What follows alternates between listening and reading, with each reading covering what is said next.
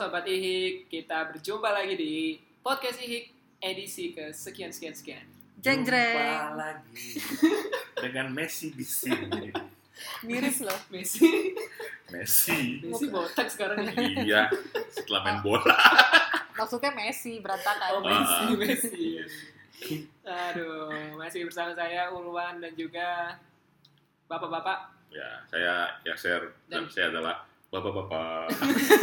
Bapak-bapak. dan juga ibu-ibu. Saya ibu-ibu KW, Nofri. Eh, hari ini kita eh, punya topik yang menarik kami rasa dan pasti teman-teman juga harus merasa menarik juga karena tidak ada pilihan lain selain mendengarkan kami. Eh, Mbak, Mas, saya kan hitungannya baru bergabung sama IHIK nih. Dari bilang- kemarin bilangnya baru. Katanya ini lembaga udah jadi zaman Dendos gitu. Iya, jadi kita ikut ngebangun eh, Jalan Anyar Panarukan sebagai kontraktor. Lu. Enggak, enggak. Ini kan ya, mungkin saya sebagai anggota baru dan mungkin juga teman-teman sobat IHIK itu penasaran. IHIK itu kan namanya itu ada humornya. Hmm. Nah, apakah orang-orang yang di sini yang bergabung di IHIK itu adalah semuanya itu pelaku humor dan gimana posisi IHIK di industri atau dunia humor sendiri? Jadi yang tergabung di sini akan ada dua kategori nih. Ada yang Apa? penasaran kayak lo, Hmm. sama penasaran kayak orang lain. Jadi ada penasaran sama penasaran. Iya. tahu apa? Kirain udah Gua mulai. Gue lagi, gue lagi nyiapin jawaban. takut, Jadi- takut besok ini uas. Oh, iya. Habis UAS UTS ya? Iya. Balik dong. Tadi nanya gimana sih? IHIK itu ada nama humornya. Mm-mm. Apakah semua orang yang di sini itu adalah pelaku humor? Nah, inilah hebatnya. Dan di sini lucunya. Eh, tiga orang eh, founder IHIK, tiga-tiganya bukan komedian. Hmm. Yang pertama Pak Dani Septriadi bukan komedian, bukan budayawan, tapi pecinta humor. Oke.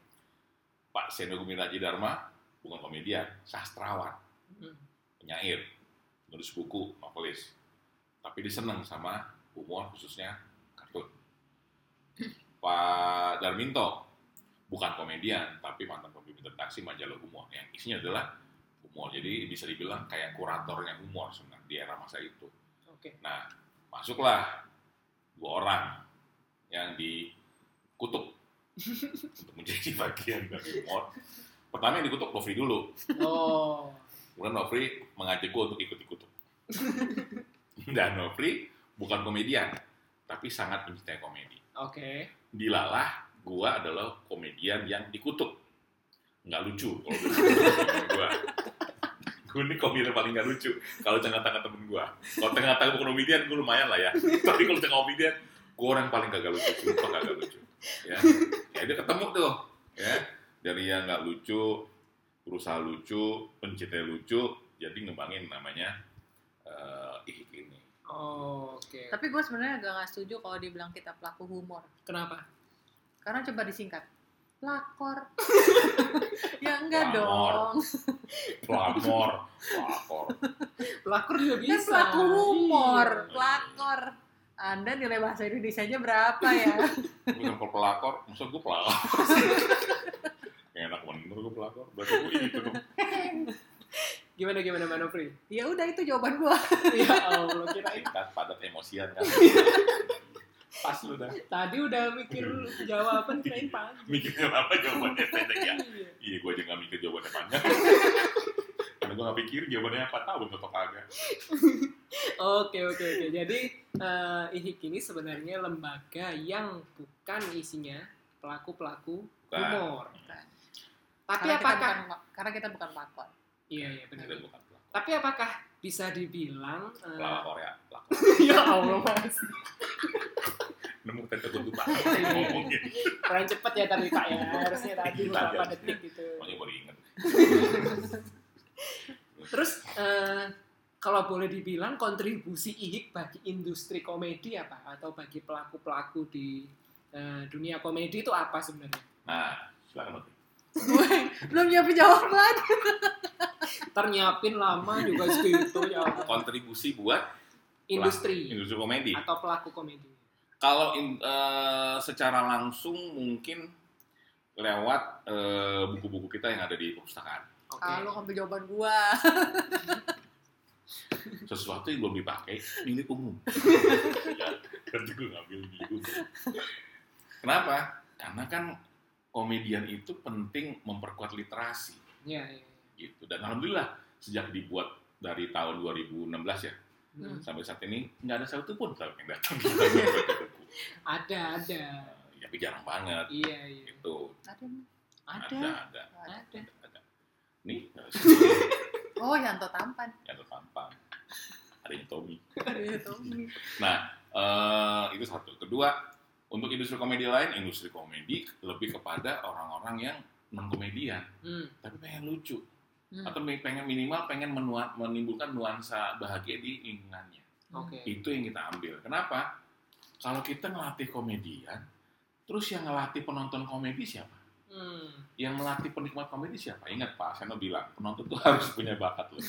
Nah, kita coba menimbulkan bakat-bakat di antara penonton-penonton itu. Oh. gimana cara menikmati komedi kan komedi kan nggak bisa di nggak bisa dibedah segala macem jadi nggak bisa dipaksain juga menurut gue sih gitu Jadi eh, posisinya Ihik itu bukan untuk mencetak komedian, tidak tetapi untuk memunculkan bakat-bakat penonton atau konsumen menularkan virus-virus humor kepada kepada masyarakat luas menularkan virus-virus humor. Oke, oke. Mbak Novri gimana? Udah selesai mikirnya? Iya, jadi gue pernah nonton mama tuh sering matching begini Iya nih, aduh, kenapa jadi matchinan gini gue? Apa? eh, jadi gue pernah nonton di YouTube. eh, isinya adalah para komedian senior, eh maksudnya stand up komedian senior, eh, founder ya, disebutnya founder. Founder Eh, stand up Indo. ah stand up Indo terus mereka eh, apa sama-sama menceritakan keresahan tentang eh, industri stand up comedy di Indonesia saat ini Hmm. Eh, tahun lalu sih kalau nggak salah terus udah gitu eh, salah satunya ada yang bilang gue lupa ya siapa yang ngomong dia bilang ehm, iya jadi eh, sekarang tuh kebanyakan kebanyakan eh, komik-komik tapi industrinya nggak bisa nyerap Hmm. gitu. Nah, eh, kalau kalau gue ngeliatnya mungkin iya bener komikanya eh, kebanyakan industrinya nggak bisa nyerap, tapi ada yang lebih lebih esensial lagi adalah gue ngelihat ininya tuh eh, materi-materi yang disampaikan itu itu aja, Oh, oke oke. nggak ada perkembangan, terus teknik yang digunakan juga nggak ada perkembangan, apa yang lagi tren itu diikutin, Iya, iya. ya kan? Eh, terus akhirnya jadi penonton juga lama-lama ada titik jenuhnya kan. Nah itu Hmm. mungkin eh, di, di saat itulah eh, apa terjadinya tidak tidak adanya diserap sama pasar gitu.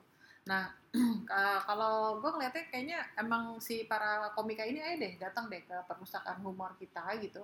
Eh, paling enggak eh, inilah tahu lah bahwa oh ternyata ada buku tentang stand up yang seperti ini, yang seperti itu dari sisi eh, biografi dari sisi stand up komedian di luar negeri dan seterusnya gitu. Paling enggak bisa bisa melihat itu dan akhirnya mudah-mudahan bisa menghasilkan satu materi-materi yang lebih bergizi gitu dibandingkan ma- materi yang gitu-gitu aja gitu. Oh, oke. Keren oke. kan jawaban gue? Keren, Iya. keren. Nah, kali ini tidak rugi. Senin lo mikir itu sampai sekarang ada yang pernah lupa mikirnya nggak rugi lah ya. Nggak rugi waktu.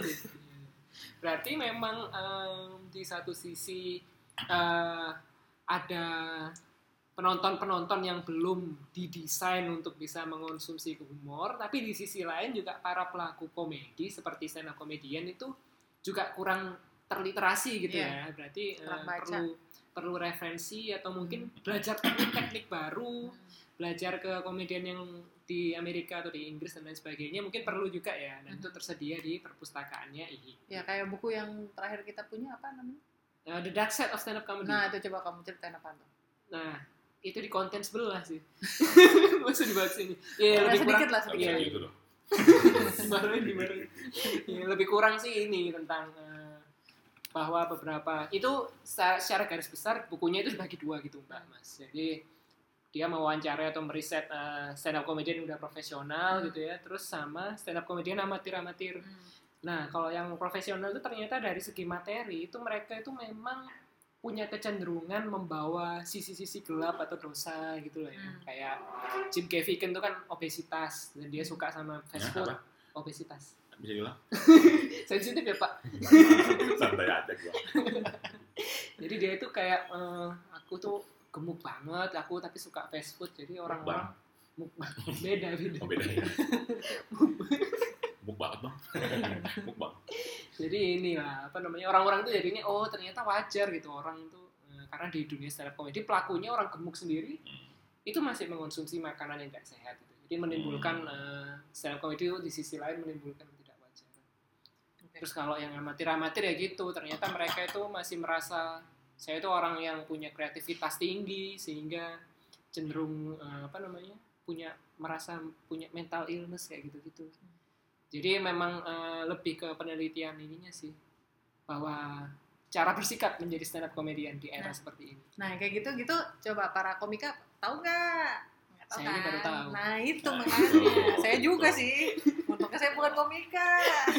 Lo kita undang itu masalahnya. iya, Oke, oke, oke, gitu. Jadi emang eh, yang kayak gitu-gitu kan perlu kita tahu kan. Jadi maksudnya buat para calon-calon komika ataupun yang komika yang ngerasa karirnya segitu-segitu aja gitu kan.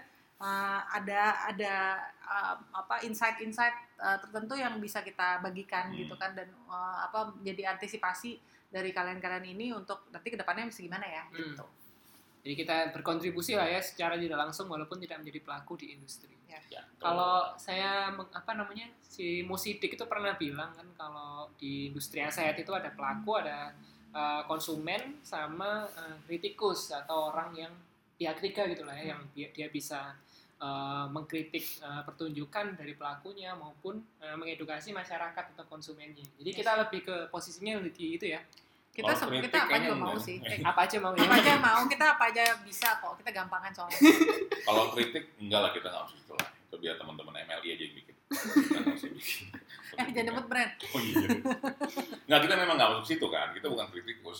Bukan. Cuman kalau semua kita ngasih masukan, ngasih ngasih apa ya, ngasih saran yang sifatnya based on literasi, nah kita akan lakukan. Kayak Yes. tadi lo bilang tadi harus gini gini gini, kita kasih tahu yang itu. Tapi Hmm. apakah kita akan menggunakan sebagai bahan kita? Iya jelas. Tapi untuk yang nggak tahu, ya kita harus tahu. Karena kan nggak semua orang punya akses kepada buku-buku yang kita punya. Iya, iya. Kita yang punya, nah kita punya tanggung jawab untuk menyebarkan itu ke banyak orang. Ah. Ada dua sisi berarti. Tulisan atau isu tentang humor akan bertambah harapannya. Kedua orang mau baca buku juga jadi bertambah. Iya, iya. Iya. iya. Si Da- penelama kayaknya. dan kalau kritikan uh, sebenarnya sih kita nggak nggak hobi ngeritik ya. Ya. Uh-uh. Uh, paling kita bilangnya biasa, paling gitu sih. Sambil ketus gitu. Gue udah sakit gitu. Sakit. Soalnya dua lah gue gitu. Soalnya tinggal kan tiga soalnya. Mantap. Itu. Oh, Gitu. Tapi eh, sebagai Mas Mas Yasir kan eh, mungkin saya pernah di stand up kan Mas Yasir juga pernah di dunia lawak gitu. Sebenarnya sepenting apa menambah eh, referensi atau literasi bagi pelaku? Kalau penting sih penting banget. Cuman ketika ada orang yang nggak sadar kalau itu penting itu masalahnya. Oh. Kalau gue sangat seneng baca. Gue gue dengar lo gue seneng gue cari tahu. Tapi kan ada orang yang nggak mau cari tahu, Hmm. nggak mau baca. Sukanya clickbait. Itu doang kan. Iya. Lo nggak lo nggak penting tahu yang isinya. Nah itu sebenarnya yang, yang jadi masalah. Lo cuma tahu kulit. Ketika lo nggak berkembang, jangan salahin industrinya. Hmm. Kenapa lo nggak lo nggak coba ngaca? Lo belajar banyak kan dari situ gitu loh. Hmm. Karena buat gue sih, gue gue pernah lewat di daerah Ciputat ada, ada toko buku bekas dan dia punya moto yang luar biasa buat gue karena dia bilang gini semua buku yang belum pernah anda baca itu adalah buku baru Hmm. jadi semua buku yang belum pernah baca itu buku baru buat lo Hmm. tapi nggak semua orang mau seperti itu Iya. Iya, iya. Nah mumpung ada kita mumpung ada lo kita coba bantu mereka nih. Kita selalu arahani lewat apa? Lewat cara-cara kayak gini. Iya. ada lo teorinya. Kalau stuck lo baca belum? Jangan kemudian lo puas dengan apa yang lo dapat Hmm. kayak gue pernah bilang waktu itu kan maaf maaf banget kok buat para senior di luar sana bukan dosa tahu enggak gitu loh bukan dosa tahu so tahu kadang-kadang pelawak itu lucunya ketika dia itu belum kaya. Pas udah kaya biasanya nggak lucu. Lu perhatiin deh Beban hidupnya berkurang. Heeh.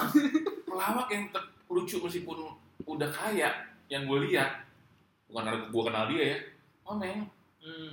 itu bukan lucu oleh dia stres udah suruh orang ke Bali dia nyari di mana itu kan orang gila namanya begitu ya kan ngerjain orang segala macam apa apa bopak dikasih potongan sendal dikasihin apa namanya mentega itu gua gua levelnya udah udah gila sebenarnya itu orang tuh udah nggak gila cuman orang terhibur gitu loh. gara-gara Tapi kalau Komeng sih dia punya satu kelebihan yang mungkin nggak banyak orang yang bisa niru dia. Apa? Disiplin. Disiplin apa? Disiplin bikin materi. Iya. Oh. Dia tiap oke, hari oke. loh bikin materi itu tiap hari nggak Dia ada yang lengkap sama dia. pokoknya begitu dia bangun, lo kan tahu, eh, Jung Taplak gitu-gitu kan, Iya, iya, iya. eh, Jung Horden kenapa? Karena begitu dia bangun, dia harus lihat ber- barang apa yang bisa jadi materi seperti itu. Satu kedua, dia baca loh. Oh. Dia kolektor buku loh, jangan salah. Dia kolektor buku dan dia baca. Iya dia baca. Nggak semua orang tahu masalah itu. Makanya sampai sekarang terjaga dia. Iya, iya, Dan kualitas. ingat, Komedi, ko- komedian satu harga itu komen. Hmm. Jadi mau main TV mana pun segitu harganya. Kan ada yang, ya kan TV-nya yang ini, yang ini dia segini harganya. Nggak mau deh. Oh. Satu oke. harga aja semua TV sama. Ditawar, nggak mau. Ada yang pernah nawar, lu kira-kira bisa turunnya kapan? Ya terserah, lu mau naiknya kapan? Artinya nggak turun juga kan. Kan song sebenarnya seperti itu. Cuman TV-TV bilang kalau ada komen itu jaminan. Hmm. Udah pasti naik tuh, gitu. Oke. Nah, itu dua poin tadi yang orang yang yang nggak tahu pertama rajin bikin materi, kedua rajin baca, Baca. Hmm. Lagi-lagi baca ya. lagi-lagi baca gitu. Nah, Nah, gue ke tukang parkir aja nyuruh nyuruh. Enggak. Terus, terus. Ini maksudnya Iya, lebih dekat. lebih Oh lebih dekat, bilang ah. kita bisa Biar bersentuhan. Terus kemudian eh apalagi ya yang kaitannya sama sama buku itu adalah eh orang akan selalu menemukan hal yang baru deh. Hmm. Selalu ada hal yang baru deh daripada eh, lu baca buku. Minimal lu ada ide baru bikin apa, bikin apa, bikin apa gitu. Oke. Tapi kalau lu nggak pernah baca, nggak pernah ngobrol, puas sendiri gitu, mati. Kan itu pernah bilang eh, apa namanya Nano Priatiarno. Hmm. Musuhnya seniman itu adalah rasa puas. Hmm. Karena begitu lu puas, lu berhenti berkarya. Nah, kita nggak boleh tuh puas, nggak boleh. Puas itu musuh kita. Harus punya eh, keinginan untuk terus explore ya. Heeh, lu nggak pernah, lu nggak, lu nggak boleh puas, seniman tuh nggak boleh. Karena begitu lu puas, udah lu nggak akan bikin apa-apa lagi. Gitu. Hmm. Oke oke. Itu ketakutan. Be- Belajar ini nih baru tahu insight eh, kerja keras seorang komeng sebagai komedian. itu. gitu. Iya. Jadi jangan cuma dilihat wah dia kayak asal gitu ngomongnya, Iya, iya, tapi iya. sebenarnya itu udah udah terekam di memorinya dia gitu dan itu sudah ditulis sebelumnya dan itu sudah eh, apa sudah merupakan buah dari hasil bacanya dia. Hmm. Jadi kalau buka otak ke komen, kalau gue ngeliat nih, buka otak ke komen itu udah udah materi banyak tuh. Kalau bisa dibuka sih ya. Ya udah bisa dibuka, ada materi banyak.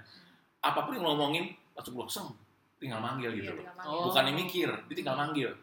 Karena dia udah disiapin dari sebelumnya. Iya. Iya, iya. Jadi tuh dia tuh nggak akan pernah habis sampai kapan. Kenapa?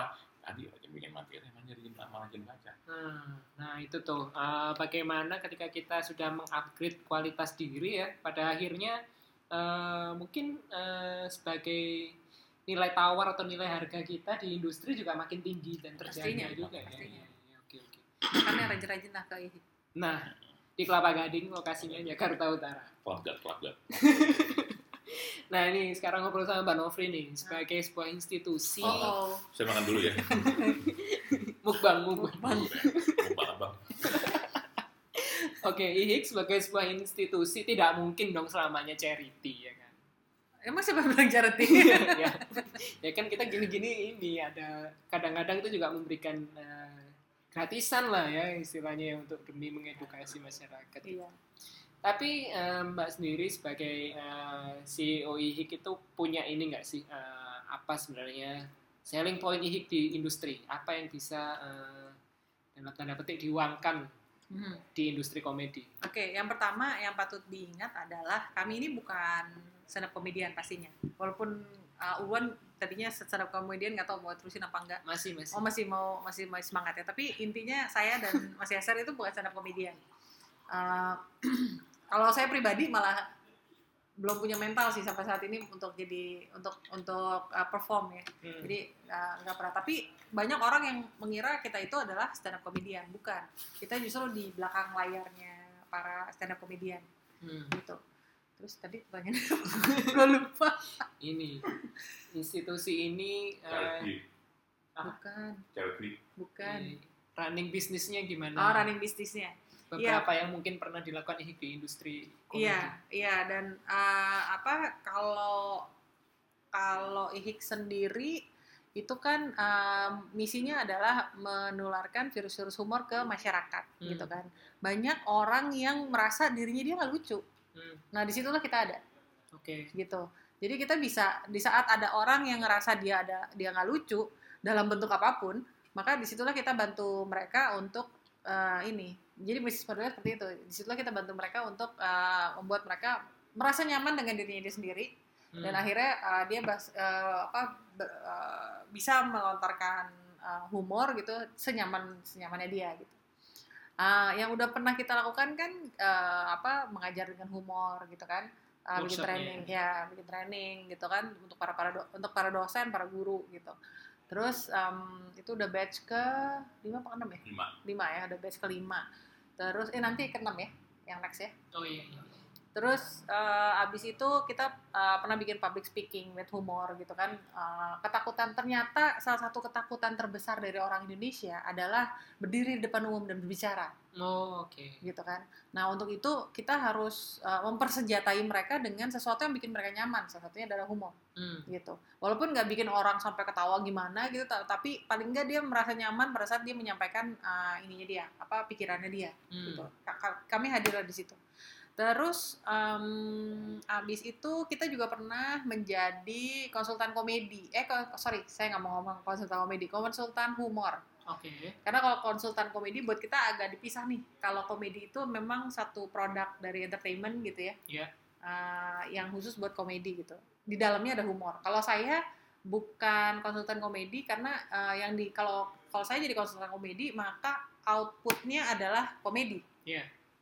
Kalau saya bukan, ini outputnya tetap produk entertainment apa pun itu bentuknya gitu. Misalkan musik dia adalah vokalis band gitu ya.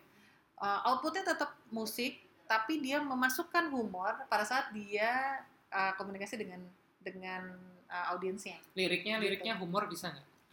Bikin Lirik- lirik humor. Uh, kalau lirik humor tergantung. Kalau misalkan bisa aja. Kalau Oh, bisa misalkan kalau misalkan uh, dia memang tujuannya bukan buat humor, tapi dia memasukkan lirik humor, itu lirik humor apa? Itu masuknya ke saya sebagai konsultan humor. Tapi kalau Hmm. misalkan dia emang purely mau bikin uh, musik yang emang lucu, itu udah jadinya konsultan komedi. Oh. konsultan komedi, itu oke, bedanya. Oke oke oke. Ya, uh, jelas ya. Nah, uh, kenapa kita nggak masuk konsultan komedi? Karena uh, udah apa untuk para stand up komedi udah jago-jago. Iya, iya, iya. gitu. Udah nggak apa-apa. Kita bagi-bagi inilah bagi-bagi lahan lah gitu. Kita nggak mau ngambil lahannya stand up comedy. Pernah waktu itu ada sal- salah seorang stand up comedian dan dia juga manajer dari stand up comedian pernah nanya sama kita. Hmm. lah kalau Ihik bikin kayak gitu ntar kita eh, kehilangan kita kehilangan kerja kerjaan dong. Lo enggak justru. Kita justru mensupport anda anda semua. Karena pada saat anda melontarkan jokes dan audiens tidak bisa terima Hmm. Nah, tugas kita adalah gimana caranya supaya audiensnya ini bisa terima jokes Anda, memudahkan Hmm. mereka untuk untuk untuk lebih mudah tertawa, Oke. bukan untuk menga- mengambil job Anda. Kita Oh. jadi eh, apa seiring begitu mak- makanya tadi saya bilang eh, saya nggak mau bil- bilang bahwa saya adalah konsultan eh, komedi. Hmm. Kita adalah konsultan humor karena kita memasukkan humor ke dalam produk apa pun yang Anda punya. Hmm, oke oke Gitu. oke oke. Keren kan jawaban gua? Keren keren. Ini nggak pakai dari semen gitu Dari Senin. ya? Dari minggu. Lebih lama. Wah, wah, oke oke. Jadi em, boleh dibilang IHIK ini lebih luas daripada sekedar lembaga riset atau lembaga perpustakaan gitu ya. Iya, karena kan eh, pada saat kita mau membuat sebuah produk humor, kita nggak bisa asal kan, karena Iya. humor itu serius, sehingga makanya perlu adanya eh, riset-riset, observasi maupun eh, buku-buku gitu ya untuk menunjang supaya kita bisa berhumor yang apa ya, saya bisa ngomongnya yang sehat. Hmm. Saya agak nggak setuju sama humor yang cerdas sih sebenarnya, karena eh, humor ya lucu-lucu aja ya, nggak harus cerdas atau enggak ya. hmm. Tapi eh, sebaiknya humor itu sehat. Artinya apa? Eh, tidak menyakiti orang lain. Oh iya iya iya. iya. Kalau tidak menyakiti orang lain berarti mungkin menyakiti benda mati aja boleh. gitu. Nggak boleh juga. Nggak boleh juga. Nggak boleh juga. Nggak boleh juga. takutnya benda Iya. matinya hidup nah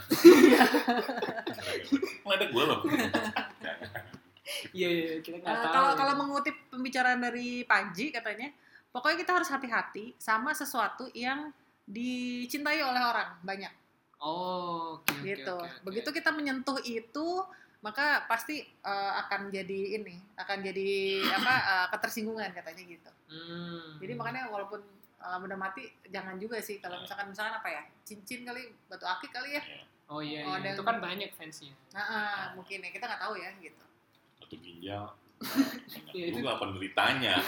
Dokter jual batu ginjalnya penderitanya ngamuk kalau gitu. Oke oke ya ini deh Nah, segmen terakhir. Ih, segmen. Kalau misalnya boleh dibilang eh, apa yang sebenarnya eh, lagi dilakukan oleh IHIK nih atau progres yang lagi ongoing apa sih? Eh, mungkin untuk industri komedi di Indonesia pada umumnya mungkin Mbak Novri atau Mas Yeser boleh cerita deh apa sih yang lagi kolaborasikan atau ini dalam waktu dekat? Oh, yang pasti sih kita lagi ngajak misalnya psikolog ya. Ntar dulu sebelum masuk situ. Yang pertama yang uh, step pertama yang kita lakukan sebelum masuk situ adalah kita rebahan dulu. Kita tim Iya, rebahan soalnya. Kalau kita nggak rebahan nggak lucu bukan begitu? Betul sekali. oke lanjut mas Aset Lupa lu sih dipotong. rebahan dulu berarti ini. Oh ya, rebahan psikolog psikolog sebentar. psikolog humor Iya, kita ngundang psikolog ya untuk bicara masalah humor. Iya, iya. Nah, jadi kita buka ini nih, buka apa buka mata ke lihat ke apa namanya ke toko buku kayak waktu itu kan Pak Bambang dari Win juga diketemukan oleh Pak Dani Iya, iya. dalam buku waktu itu kan Iya. kemudian kenalan dan kita yakin di luar sana banyak orang-orang seperti itu ada lagi kita mau nga- ngajak nanti eh, laughter yoga itu Master yoga. ada laughter yoga Wow. video yoga Yoga tertawa dan itu kita mau ajak masih pakai kolaborasi karpet itu, karpet hitam itu masih pakai karpet terbang Oh. karpet terbang. Pakai karpet terbang sekarang. Nggak, nggak, kita nggak pakai karpet kita pakai Ayo, ayo, ayo, ayo. nggak boleh disukain sama orang. Ayo ayo. Ntar tersinggung ayo. Kita pakai tikar pandan. Nanti buat ya. orang makan lesehan tuh di di mana? Di Malioboro. Ntar begitu selesai eh, itu yoga nyeplak nyeplak dong garis-garis. Kotak-kotak. Jadi ada ornamen di badan. Gitu. jadi kita mengundang orang-orang ngajak orang-orang yang mau kolaborasi sama kita untuk yuk ngembangin yuk bahwa ternyata lu tuh nggak bisa lu sendirian. Iya, iya, betul. mesti bareng-bareng nih. Ketika market udah diedukasi artinya apa? Industri ini pasti berkembang. Karena ini orang lupa nih sama edukasi yang satu ini. Iya, iya. ketika kita nonton film apa acara program musik di TV teriak-teriak apakah mereka suka sama musik? Enggak. Hmm. mereka nonton kan dibayar. Bukan karena mereka suka. Tapi kalau lu ada penonton penonton humor yang mencintai humor enak nggak nanti responsnya Ya enak positif dong. apa enggak Jual apa pun jadi gampang. jadi enak kan kenapa emang buat penonton itu nah sekarang lu bayangin ada penonton musik tapi nggak suka musik atau penonton hukum komedi yang nggak suka komedi kan kesian dianya Iya. kesian komedinya kesian penontonnya Iya. nah, kita edukasi nih penontonnya nih biar mereka bisa menerima Hmm. karena kita kalau datang ke sebuah tempat acara lu udah siap untuk tertawa percaya sama gua materi pun akan enak nyampeinnya Hmm. tapi kalau udah lu kenapa sini enggak gue iseng aja pengen tahu nggak bisa aja nah udah kelar tuh komediannya bisa ngapa-ngapa di berat, situ tuh berat banget itu berat ngangkatnya. banget tuh ngangkatnya kalau gitu tuh gitu loh Iya, iya, iya. nah sih itu. sekarang dibalikin ke lu. Kenapa, kenapa? sebagai orang orang baru yang ba- baru terus lamanya di sini lu kayaknya ntar di ID card baru seumur hidup deh Iya. bukan seumur hidup trainee trainee Trainee seumur hidup. seumur Ini seumur hidup. Gimana, gimana? Nah, waktu pertama kali ngeliat ihik, apa yang terlontar, terlintas, terlontar lagi terlintas benak gue. di benak gue. Kenapa jadi nanya diri sendiri? Iya, apa ya? Eh, karena ini, karena dulu kan kebetulan ketemunya waktu lagi ngerjain tesis. Oke. Jadi berpikirnya adalah ini adalah lembaga yang eh, pertama kali saya rasa di Indonesia itu yang Mungkin di dunia. ya mungkin di dunia juga ya. Dunia lain. beda lain. Jadi yang benar-benar eh, serius menggarap dengan berbasis riset dan data itu kayaknya baru ini gitu. Makanya dulu tertarik untuk sampai jauh-jauh kan ketemu Mbak Novri ke Jakarta ya kan. Baru Jadi- siapa? Ya, eh, ya, jangan bahas ya, dong. ya terus. Off the record dong. Ini bisa satu episode sendiri loh Iya, iya, iya. ya jadi emang eh, sebenarnya nggak terpikir ini adalah suatu dalam tanda petik bisnis ya terlibat dalam bisnis jadi ini saya rasa itu kayak oh ada orang yang sangat dermawan dan cukup sableng ya jadi menyedar mengkontribusikan hidupnya untuk humor tapi bukan sebagai pelaku gitu mikirnya dulu Oke. tapi ternyata di waktu setelah masuk jauh lebih kompleks dari itu Iya, pastinya. Iya iya iya. Ya, biar gimana kita butuh makan bukan? Iya betul sekali. Saya juga butuh bayar kos nih tolong. Tidak mungkin dong saya tidur di pom bensin. Ya, mungkin dibayar dengan hasil bumi kan. Bumi atau singkong atau jagung kering. Ya emang saya VOC dibayar hasil bumi. Dibayar dengan rempah-rempah. Oke Mas Yaser Pak Nofri, terima kasih sudah 30 menit. Nah, pas nih kan. Pas, pas. Alhamdulillah, tugas saya berakhir. Artinya ada lagi ya? Oh iya, oh, jangan trainee selamanya. Siap, siap, Moderator selamanya. Oke, eh, itulah sekilas tentang kenapa IHIK itu ada dan apa yang kami lakukan sebenarnya untuk industri humor ini. Semoga eh, Sobat IHIK punya gambaran lebih dan mungkin juga tertarik bergabung menjadi keluarga besar eh, Institut Humor Indonesia ini. Oke. Terima kasih Mbak Nofri, terima kasih Mas Yaser, terima kasih Oke. semua. Thank you juga. Sampai ketemu dah.